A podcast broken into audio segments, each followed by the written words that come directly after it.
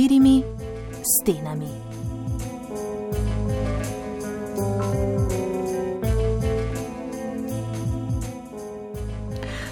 Spolno zdravje krepi splošno dobro počutje, celostno zdravje in kvaliteto življenja. Svetovno združenje za spolno zdravje je zato že več kot desetletje v želi po dobri, ustrezni in temeljiti osveščenosti ter pozitivnem pogledu na spolnost. 4. septembra obeležuje Svetovni dan spolnega zdravja. Letos so pozornost namenili spolnemu zdravju v digitaliziranem svetu. Internet je spremenil vse, tudi pornografsko industrijo in z njo intimna in seksualna življenja ljudi. Paulita Papel je producentka, režiserka in avtorica pornografskih filmov, vodja spletne platforme lasteri.com, na kateri pari z vsega sveta delijo svoje posnetke seksa, so ustanoviteljica studija Hardworks in kuratorka festivala pornografije v Berlinu.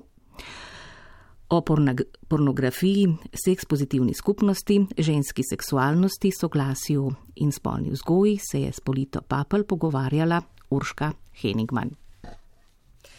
Pavlita Papel, seks je v družbi še vedno tabu tema, o seksu ne govorimo. Kakšne so po vašem mnenju negativne posledice, ki jih ima ta tišina na seksualnost? I think silence uh, it's the worst that we can have when it comes to sexuality. Mislim, da je tišina v povezavi s seksualnostjo nekaj najhujšega. Soglasno spolnost, ki torej temelji na soglasju in spoštovanju samega sebe in partnerja, lahko dosežemo le s komunikacijo. Če torej ne govorimo o seksualnosti, se torej ne naučimo, kako govoriti o seksualnosti. To po mojem mnenju ustvarja tabuje, stigmatizira, krepi občutke sramu. Kadar je ljudi sram svoje seksualnosti, postanejo nesrečni.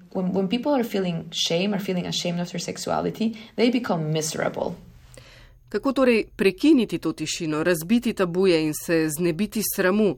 Kako ljudem približati pozitiven pogled na seksualnost?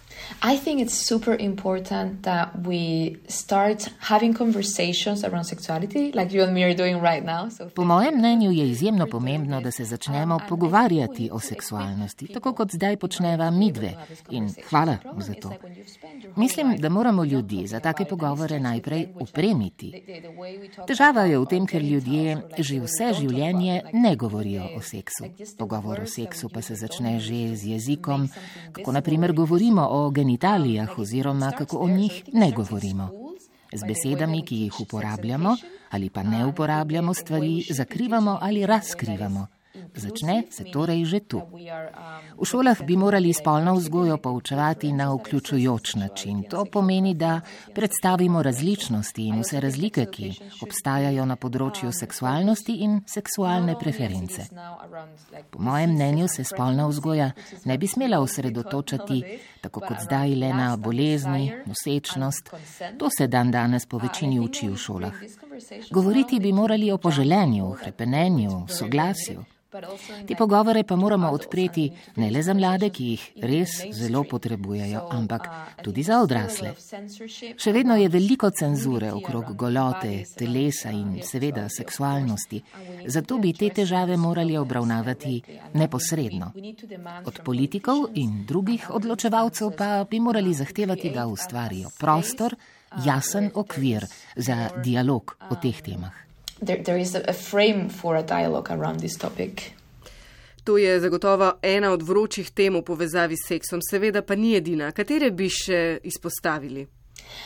Um, so so much. I think like I mean I think a very important topic nowadays. Um, after the I mean it's been for a couple of years after the Me Too scandal, of course. Zelo, zelo veliko jih je.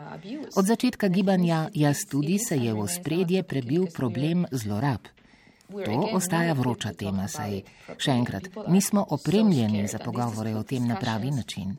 Ljudje se zelo bojijo. Ti pogovori so povezani s seksizmom, zato bomo potrebovali še kar nekaj časa, da se bomo o tem lahko pogovarjali na pomenljiv, odprt, iskren način. Po mojem mnenju je zato zelo pomembno, da začnemo prej spraševati svoje ustaljeno mnenje, ki ga imamo o seksualnosti. Svoje ustaljene ideje o tem, kaj pomeni soglasje, kako bi oblikovali družbo, v kateri bi imeli prost dostop do virov za spolno zdravje v precej širšem smislu, kot to poznamo zdaj. To bi bil, po mojem mnenju, pravi začetek, da se začnemo pogovarjati o teh vročih temah povezanih s seksualnostjo. Um, yeah,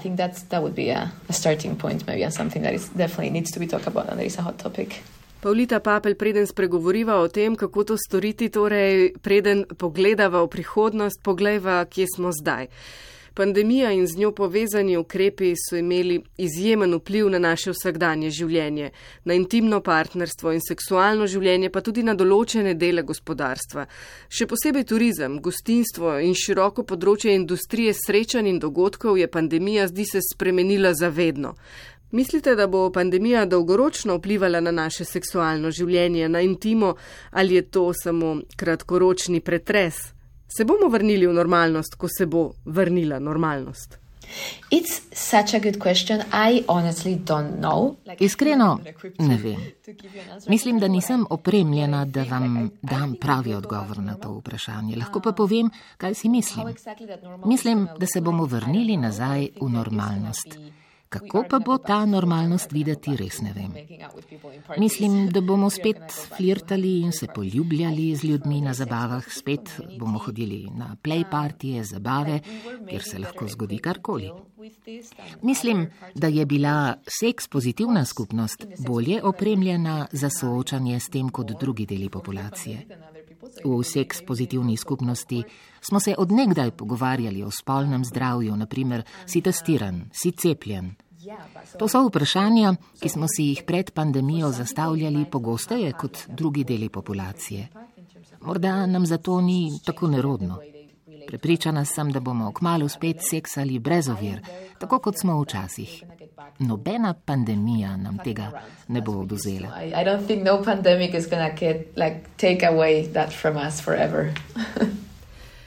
Omenili ste seks pozitivno skupnost. Lahko prosim razložite poslušalkam in poslušalcem, kaj to pravzaprav pomeni. Kaj mislite s tem, ko rečete seksualno pozitivna skupnost? Yes, of course. Thank you for asking such a good question. I think I, um, what I mean when I say sex positive communities, I think I'm talking about people that have an interest in um, around the topics of sexuality. Ja, seveda, hvala, to je dobro vprašanje. Kaj mislim s tem, ko rečem seks pozitivna skupnost? Govorim o ljudeh, ki jih zanimajo teme povezane s seksualnostjo in soglasjem.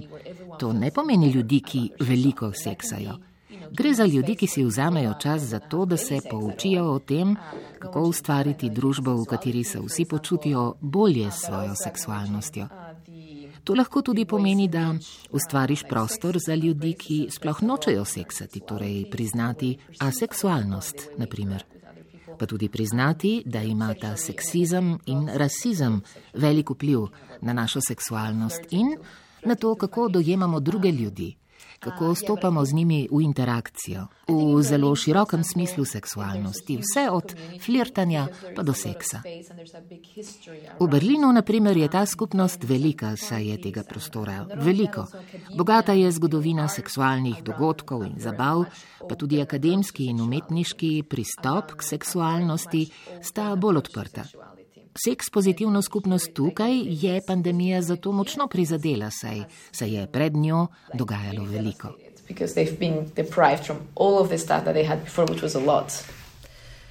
Pavlita Papel pojdiva zdaj od zasebnega k javnemu, preusmeriva najn pogovor na pornografijo, ki je že pred pandemijo doživela izjemne pretrese in spremembe. Seveda tu mislim na digitalizacijo in brezplačen dostop do pornografije prek spleta, kjerkoli in kadarkoli. Kaj vse se je v industriji, v kateri delujete in jo kot producentka, režiserka in igralka tudi dejavno ustvarjate, najbolj spremenilo? See, I would love to talk about that. Thank you so much. I think, well, obviously, the biggest change in pornography in the last decade has been the internet. ja, zelo rada bi o tem govorila. Jasno, največja sprememba se je zgodila z internetom, ki je bil, Sej veste, vzrok za največje spremembe pa vsot, ne samo na področju pornografije. Je pa zanimivo, kako je na njo vplival. Za pornografski film ni bilo več velikih proračunov. Oblikovala se je množična produkcija poceni filmov. In to je bilo, po mojem mnenju, slabo. Po drugi strani pa so se spremenila razmerja moči. Nastale so nove platforme, ki omogočajo, da nastopajoči lahko svoje vsebine prodajajo naravnost končnim uporabnikom. Govorim o minivic, OnlyFans, pa tudi Lasteri na nek način, kjer so nastopajoči tudi producenti. To za njih sicer pomeni več dela, saj skrbijo tudi za oglaševanje, kar ni enostavno. Vendar imajo hkrati tudi precej več nadzora nad tem, kaj snemajo, kako to označijo. Vedno bodo ljudje, ki želijo videti različna telesa, različne seksualne preference in prakse. Na nek način lahko rečem, Ne vem, če je to prava beseda, ampak na nek način se je pornografija demokratizirala. Saj več ljudi lahko ustvarja in upravlja svoje vsebine. Zgodil se je uspon tako imenovane amaterske pornografije, ko ljudje snemajo sami sebe. Sama ne maram preveč izraza amaterska pornografija, saj to pomeni, da nekdo to počne kot hobi in ne kot poklic. Ko govorim o lasteri, Rada uporabljam izraz dokumentarna pornografija.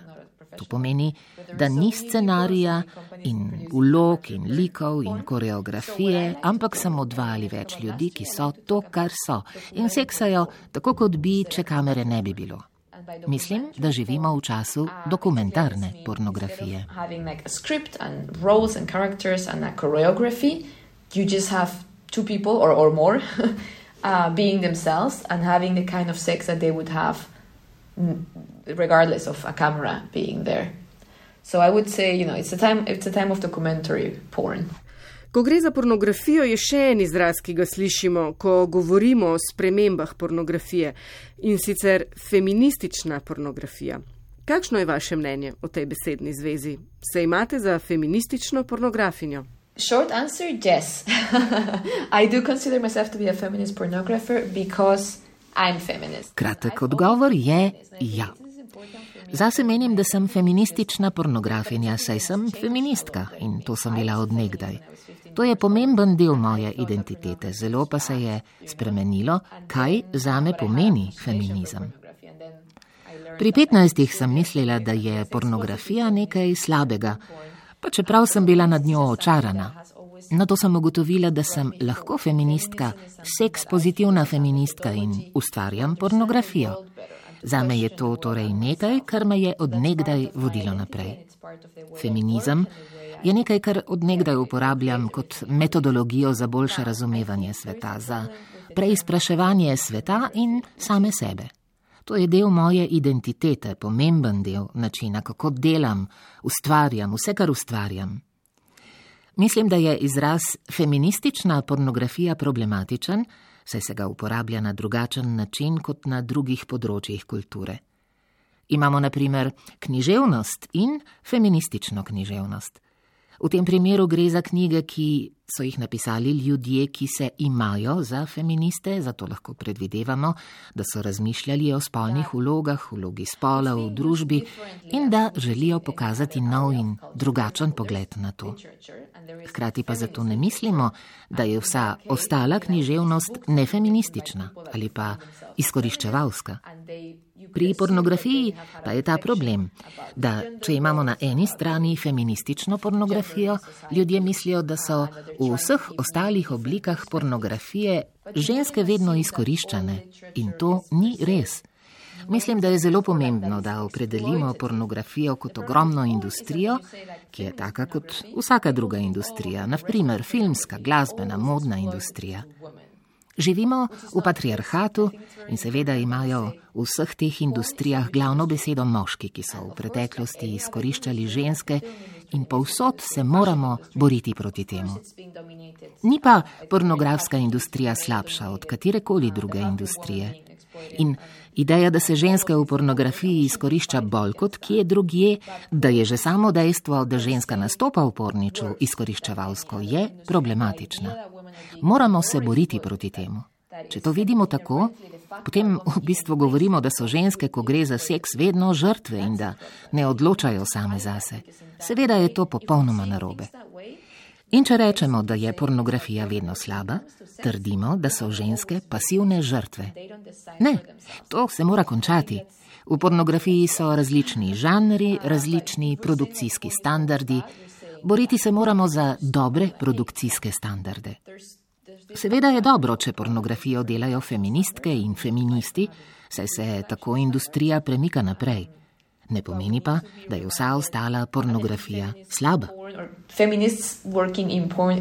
A positive thing and it's something that can bring the, the industry forward, but it doesn't mean that the rest of porn is bad. Že na začetku pogovora sva se pogovarjali o soglasju. Soglasje je v pornografski industriji še posebej pomembno, drži? Absolutely. Consent, well, consent is basic. Like with no consent, there's, there's no porn industry, right? So, Absolutno. Soglasje je osnova, brez soglasja ni pornografske industrije. Če jo primerjate recimo s kako drugo kulturno industrijo, še posebej prevladujočo filmsko industrijo, ima pornografija veliko boljše prakse, ko gre za vzpostavljanje in pogajanje o soglasju. No, če predstavim plastičen primer, kaj to zame pomeni? Pred snemanjem, med snemanjem in po snemanju mora biti transparentna in nenehna komunikacija o res vsem. Pred snemanjem moram tako igravce kot tudi druge člane ekipe obvestiti, kaj delamo, o čem govori film, kako bo videti, kdaj ga bomo posneli, kaj se pričakuje od vsakega posebej. Hkrati vprašam tudi, kaj so preference, kje so skrajne točke, meje. S tem pogovorom ustvarimo delovni prostor, ki je varen. Med snemanjem se pogajanje nadaljuje in če se kaj spremeni, mora biti ustvarjen prostor za pošteno pogajanje o tem, kaj se dogaja. Po snemanju pa se je seveda treba držati odločitev in dogovorov in s tem mislim na distribucijo. Gre torej za pregledno in neprestano komunikacijo. To je jedro soglasja. In to ni recimo splošno sprejeta praksa v filmski industriji. Pri resničnostni televiziji, naprimer, producenti z manipulacijo ustvarjajo dramo in prodajajo. Tam je soglasja zelo malo. Mainstream industrije bi se lahko torej veliko naučile iz pornografske in kako imamo mi odprte, iskrene pogovore.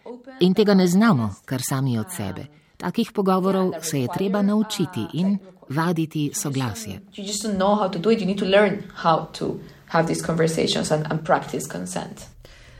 Številne raziskave so pokazale, da ljudje pornografijo po večini uporabljajo za masturbacijo. To je najpogostejša raba pornografije. Ne le moški, tudi ženske masturbirajo. Kako se pri ustvarjanju pornografskih filmov ukvarjate z občinstvom? So pornografski žanri, ki so za specifičen spol, ali so druge lastnosti bolj odločujoče v smislu, kaj kdo gleda? Absolutely. I think it's very important to think, to always think, who are you making a film for? Like thinking about your target audience. It's, um, well, marketing wise, of, of course, it's it's crucial, but also just as a, as a bigger reflection on like why are you doing what you're doing and for whom are you doing it. Ja, seveda. Vedno je treba imeti v mislih, za koga ustvarjaš film, kdo je ciljno občinstvo, sploh ko gre za marketing, je to ključno. Pa tudi zato, da reflektiraš, zakaj delaš to, kar delaš in za koga.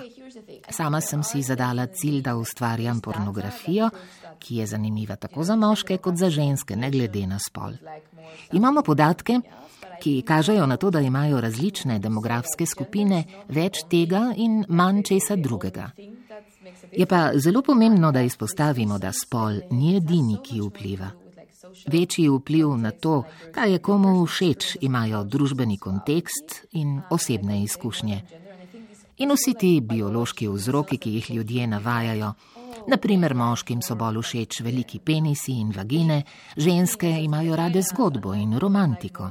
To sploh ne drži. Ni biološkega razloga, zakaj bi bila ženski zgodba bolj pomembna. Gre za družbene razloge, zakaj imajo ljudje različne vzorce obnašanja in potrošnje. In veliko teh vzorcev ima ogromno opraviti z občutkom sramu. Pa sva spet na začetku najnega pogovora. Žensk družba ne spodbuja, da bi masturbirale, da bi gledale porniče, da bi si poiskale seksualnega delavca. Ovire, ki jih morajo ženske prestopiti, ko masturbirajo, ko gledajo porniče, so precej više, saj morajo veliko delati na tem, da se znebijo sramu in si rečejo: Ok, to bom naredila, kaj ob tem občutim, kaj mi je všeč. Za žensko je to precej težje kot za moškega, ki od družbe že od zgodnje starosti dobiva sporočila, da moški to pač počnejo in to pač so. Fante učimo, da so moški seksualna bitja. V najslabših primerjih jih učimo, da so predatorji, ki svojih spolnih potreb sploh ne morejo nadzorovati. Ženske pa že od majhnega učimo, da morajo biti previdne, da jim noben predator ne bo ukradel nedolžnosti. To so zelo, zelo starinske podobe spolov, ki pa so še vedno zelo prisotne, saj so to globoke, ponotranjene ideje o seksualnosti, ki jih imamo. Torej, bolj odkrito, ko bomo govorili o seksu, več kot bomo govorili o tem, da ženske masturbirajo in so seksualna bitja in niso žrtve, ampak samo uresničena seksualna bitja, bolj pogosto bodo ženske gledale pornografijo in bolj raznovrstno pornografijo. No, če zdaj to dolgo zgodbo skrajšam, sama poskušam ustvarjati filme, ki slavijo seks, ki pozitivno prikazujejo seks. To pa ne pomeni, da mora biti tak seks srčkan ali vesel. Lahko je to trda BDSM pornografija. Pri tem žanru gre lahko za to, da premikamo meje, lahko pa gre tudi za kaj drugega. Meni so najljubši trenutki, kadar snemam tak film, ko vidim pri podrejeni osebi majhen nasmešek. Da vidim, da se ljudje zabavajo, da se imajo dobro in to želim slaviti. But I see like the, that I really can tell, okay, these people are having fun, they're enjoying themselves. Um, and this is something that I want to, yeah, again, celebrate. Želite slaviti užitek? Pleasure, yes, big words, yes. ja, užitek, velike besede, res je. Če se spet vrnem k ženskam, ženske v resnici zelo malo vemo o svojem telesu. V šoli se sicer učimo o reprodukciji, kontracepciji in zaščiti pred spolno prenosljivimi okužbami. Ne naučimo pa se, da lahko masturbiramo, da raziskujemo svoje telo in uživamo v dotiku same sebe.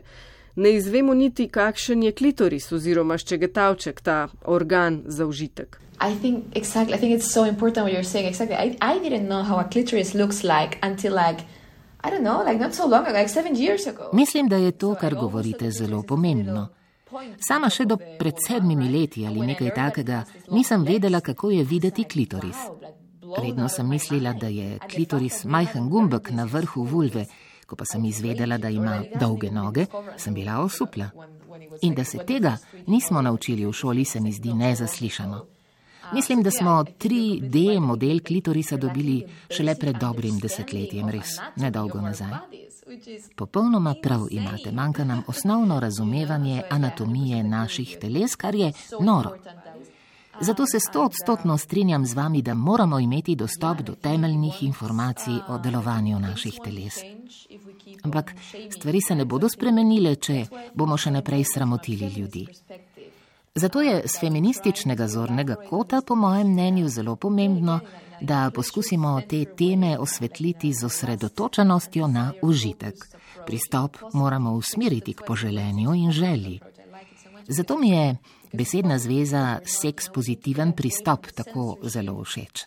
Stran moramo od cenzure, od sramu, negativnih občutkov, ob katerih smo odraščali, in nam onemogočajo raziskovanje svojih teles in uživanje v njih in odnosih. Zato moramo dati ljudem pravo orodje, da to raziskujajo brez cenzure, brez sramotenja. Uh,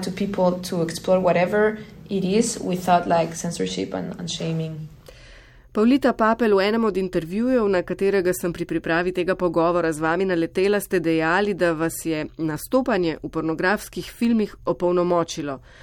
V kakšnem smislu? Lahko razložite. Absolutely. I mean, I have to say, first of all, it's a very, that's a very personal, subjective experience. Seveda. Najprej naj poudarim, da je to zelo osebna, subjektivna izkušnja. Ne želim reči, da bi se vse ženske ali vsi ljudje morali počutiti opolnomočeni, ko snemajo porniče. Pomembno je poudariti, da je pornografija v večini primerov samo služba. In kot vsaka druga služba, tudi tukaj ni veliko ljudi, ki bi se počutili opolnomočene, kadar gredo v službo. Pač hodijo v službo, da dobijo denar in to je življenje.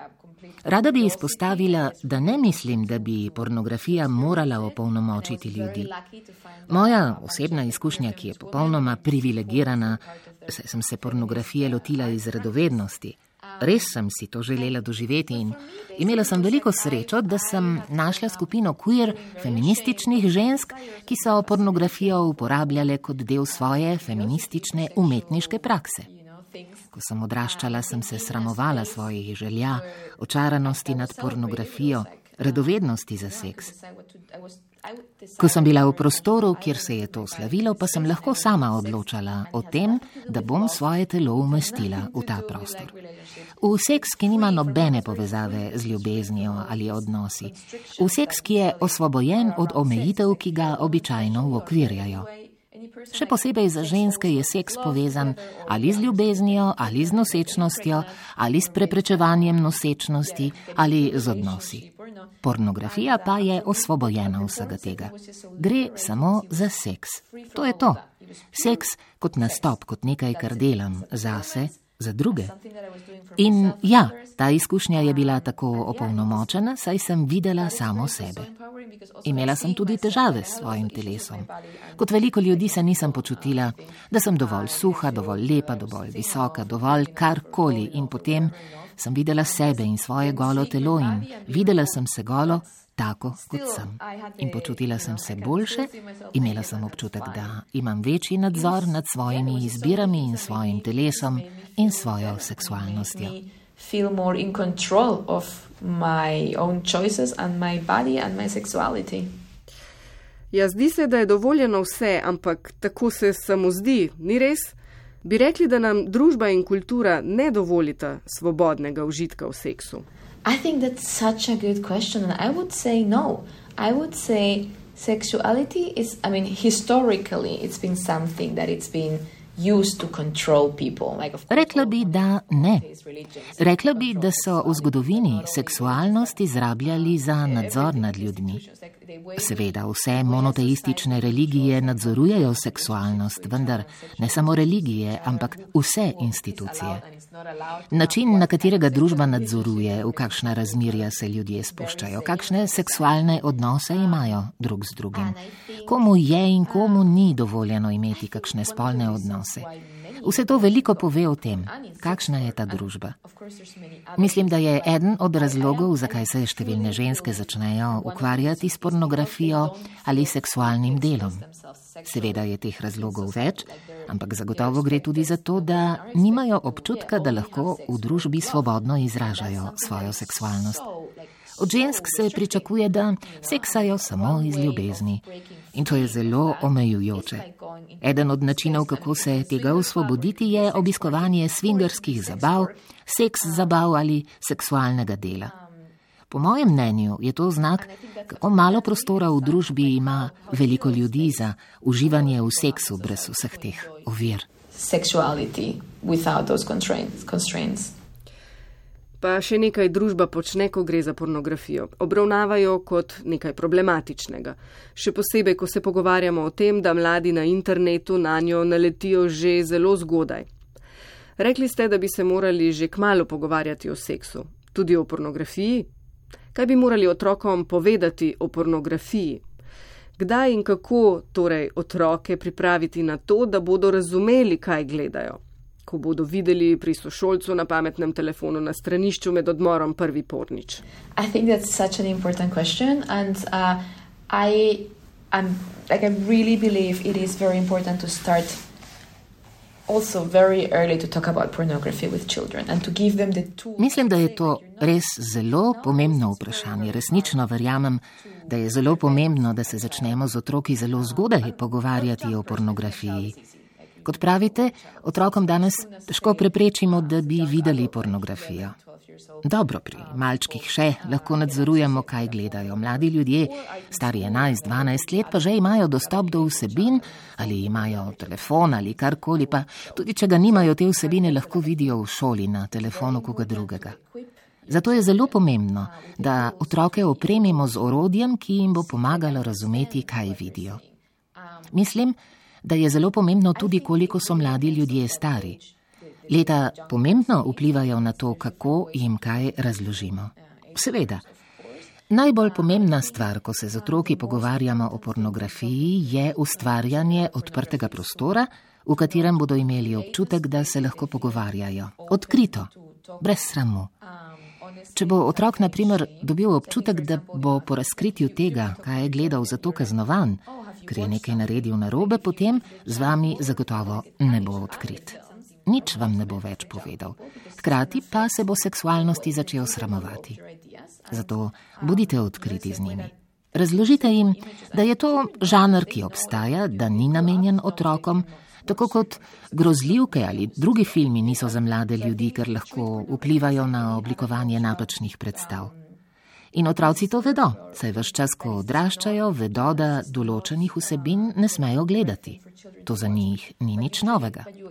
Če torej pornografijo obravnavamo kot katerikoli drug kulturni izdelek, ki ni za otroke, jim razložimo, da gre pri pornografiji za telesa in za način, kako se odrasli družijo, odvisno od tega, koliko je otrok star.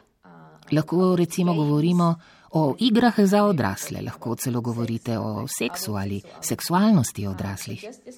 Treba je biti odkrit z njimi in jim razložiti, da obstajajo različni žanri pornografije in zelo jasno poudariti, da tako kot v akcijskih filmih ali grozljivkah, tudi v pornografiji ni vse tako kot v resničnem življenju. Ne smejo misliti, da je tisto, kar vidijo v porničih, prikaz resnične seksualnosti. Tudi Spider-Man, na primer, poleti skozi okno in se povspne po hiši, in mladi ljudje seveda razumejo, da to ni resnično. In tako jim je treba tudi razložiti, da je pri porničih priprava posebna skrb pred in po snemanju, česar v pornografskem filmu ne vidimo in jim povedati, da zato ne bodo izkusili tega, kar vidiš v porničih, v svojem resničnem seksualnem življenju, ko se bo to začelo. Z mladimi moramo torej odpreti iskren pogovor, brez sramotenja, kaznovanja. Ne smemo jim vzbuditi krivde, če so morda kak tak film že gledali. Mladi potrebujejo sogovornika, da bodo razumeli, kaj se v pornografiji dogaja in zelo bodo hvaležni, če bodo imeli odgovore na svoje vprašanje. Na njihova vprašanja moramo odgovoriti na starosti primeren način. Ne smemo pa jim lagati, jih kaznovati ali pa cenzurirati.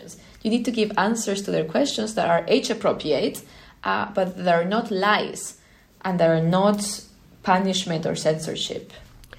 Pornografija ni problem, problem je tišina, mok, nepripravljenost družbe, da dovoli odprt in iskren pogovor o seksu.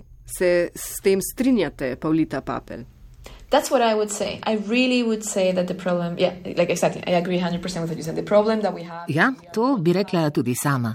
Sto odstotno se strinjam, da je problem to, da nimamo odprtih in iskrenih pogovorov o seksualnosti. Nimamo vključujočih seks pozitivnih virov, ne za mlade, ne tudi za starejše odrasle in to je, po mojem mnenju, problem. Škoda, ki jo otroci in mladi ljudje lahko utrpijo, če vidijo naprimer prizore nasilnega seksa, ni niti približno tako velika, kot če tega mladega posameznika ljudje, ki so zanj odgovorni, torej učitelji, starši, kaznujejo ali strašijo in jim vzbujajo občutke sramu, ko jim razkrijejo, kaj so videli. To je veliko bolj nevarno in usodno za zdrav razvoj mladega, kot pa sam ogled filma. Če seveda imajo orodje, ki jim pomaga razumeti, kaj gledajo in lahko sprejmejo informirano odločitev o tem, ali to želijo gledati ali pa ne. To understand what they're watching and to take an informed decision do I want to watch this or do I not want to watch this now?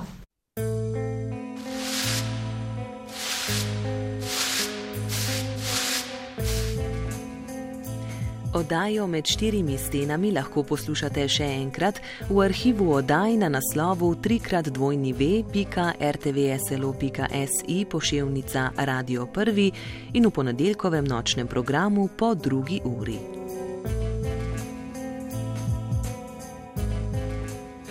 Polito Papel se je pogovarjala Urška Henigman, prevode je brala Jasna Rodošek, zato ni skrbel Miha Juvan. Odajo med štirimi stenami najdete tudi na naši spletni strani na radio1.si, kjer si pogovor lahko tudi preberete ali se na njo naročite v svoji aplikaciji za podkaste.